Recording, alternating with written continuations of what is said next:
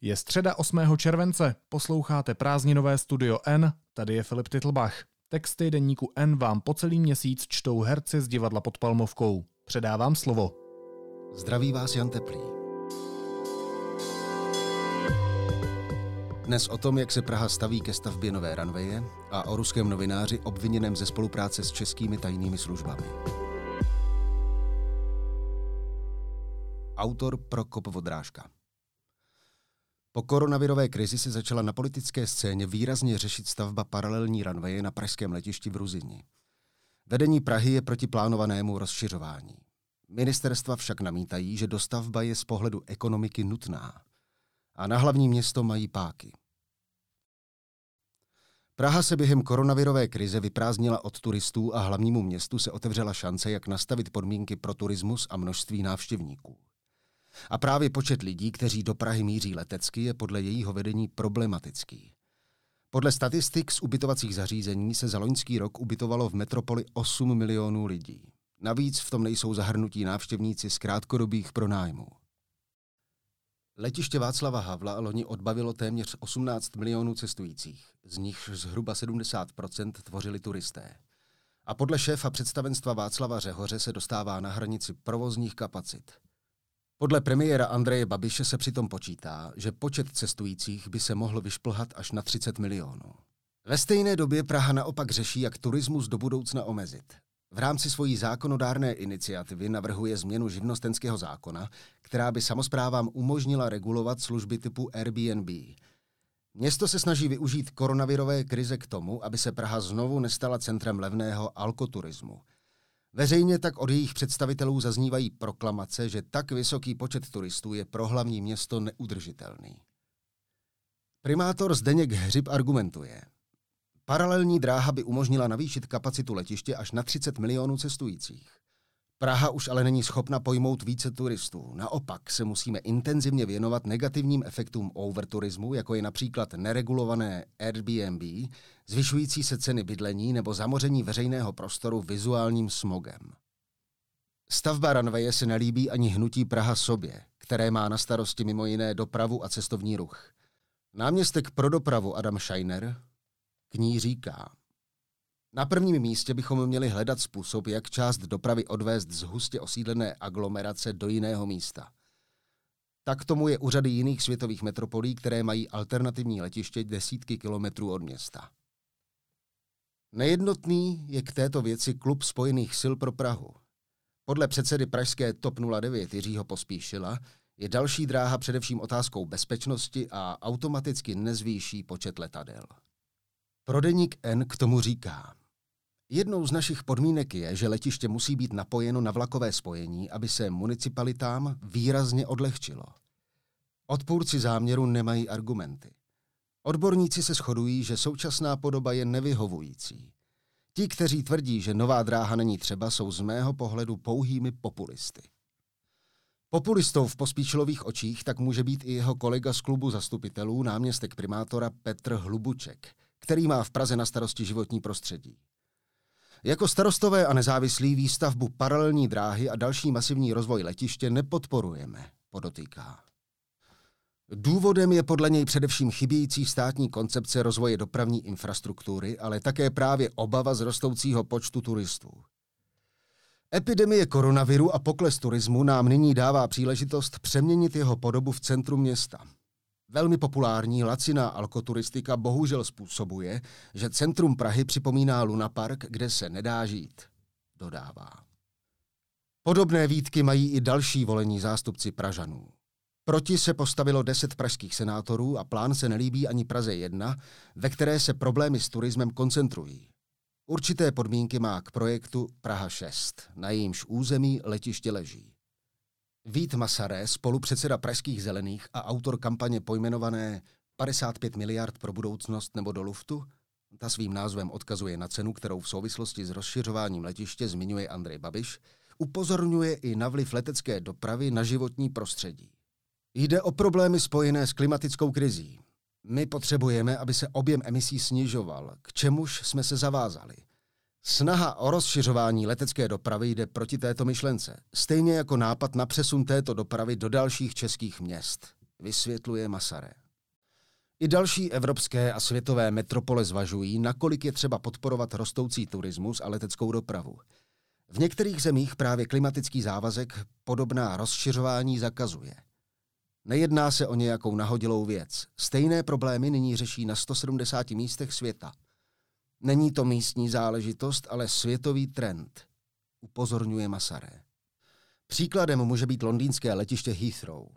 Letos v únoru britský soud rozhodl, že se třetí runway stavět nebude, protože při plánované stavbě nebyl dostatečně zohledněn vládní závazek boje s klimatickou krizí. To v Česku nelze. Podle Krajského soudu v Praze není možné se plnění závazku postupného snižování produkce oxidu uhličitého v Česku dovolávat. A to doslova. Plošně při jakékoliv činnosti související s letovým provozem tím pádem ani při vymezování plochy budoucí letišní dráhy. Místní městské části jako Suchdol se obávají zvýšení hluku, který by se dotkl tisíců lidí. Praští politici se shodují, že by se měl stát zaměřit především na budování vysokorychlostních železnic. Podle vedení letiště je investice potřeba, protože podle dlouhodobých výhledů bude zájem o leteckou dopravu stoupat. Mluvčí letiště Roman Pacvoň deníku N řekl – Každý jeden milion cestujících navíc by také v budoucnu mohl znamenat vytvoření přibližně 3 tisíc nových pracovních míst. Důležitost investic do veřejně prospěšné infrastruktury se také v souvislosti se stávající krizí ještě více posiluje. Vytvořením paralelní dráhy se podle něj zlepší fungování letiště. Nová runway bude sloužit jen pro přistávání. Stávající hlavní dráha pouze jen pro vzlety. Čímž se umožní, aby se letiště nepoužívalo v noci. Stavba nové ranveje má dlouhodobou podporu od ministerstva financí, pod které letiště spadá a které ji bude platit. Podle mluvčího úřadu Zdeňka Vojtěcha je rozšíření letiště základem fungování moderní ekonomiky. Zprovoznění této dráhy povede k šetrnějšímu životnímu prostředí a výrazně bezpečnějšímu provozu, tvrdí Vojtěch. Podle ministerstva dopravy panuje celospolečenský zájem na výstavbě paralelní ranveje. Ministr životního prostředí Richard Brabec na otázky deníku N neodpověděl. Záležet tak bude na tom, jak se vláda a Praha dohodnou se středočeským krajem na podmínkách územního rozvoje, tedy zda vybudování schválí. Čas, který na to mají, se rozhodnutím Krajského soudu v Praze z konce června prodloužil. Soud totiž zrušil část aktualizace zásad územního rozvoje, čímž stavbu výrazně zkomplikoval. Důvodem byly dopady vybudování letiště na životní prostředí. Podle soudu chybí v dokumentaci jakékoliv relevantní vyhodnocení kumulace hluku a znečištění ovzduší. Problematický by mohl být také počet cestujících. Zatímco vláda hovoří až o 30 milionech, posudek na životní prostředí přitom počítá pouze se zhruba 20 miliony. Středočeský kraj nyní podal kasační stížnost. Praha je účastníkem územního řízení a má možnost záměr na svém území odmítnout, jak dříve upozornil server E15. Ministerstvo dopravy na magistrát tlačí, aby plán na rozšíření dráhy zaneslo do stavební uzávěrky, kterou město schvaluje k dokončení Pražského okruhu.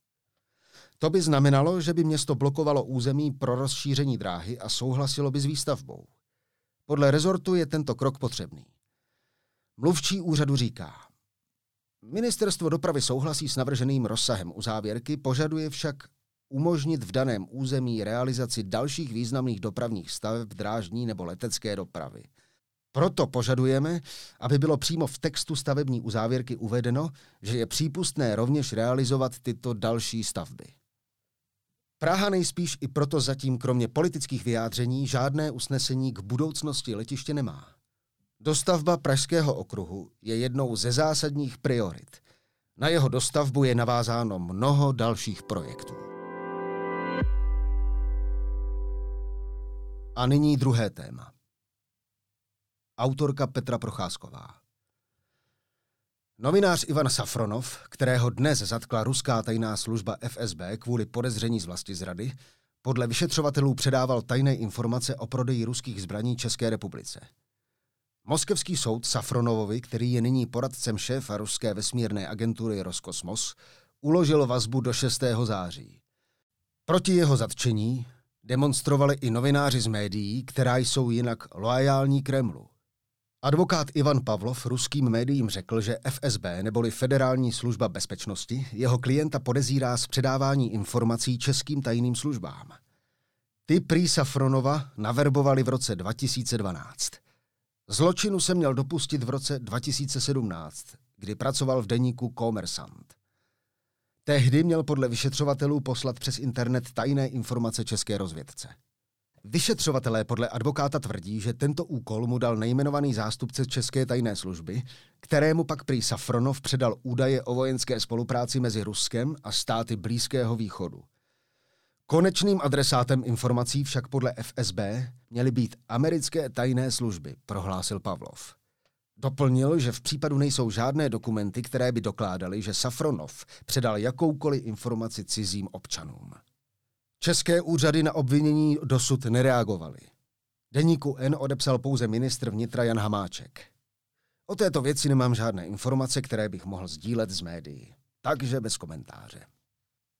Safronov je známý žurnalista, spoluautor článku o tlaku Kremlu na šéfku horní sněmovny ruského parlamentu Valentinu Matvijenkovou.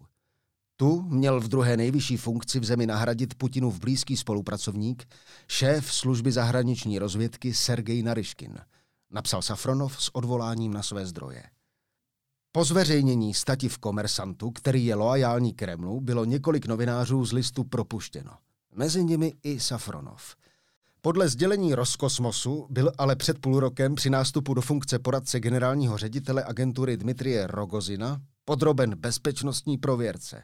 Oficiálním důvodem jeho zatčení však nejspíš bude jiný článek o dodávkách ruských stíhaček Su-35 do Egypta. Tyto informace, které měly zůstat utajeny, značně znepokojily USA.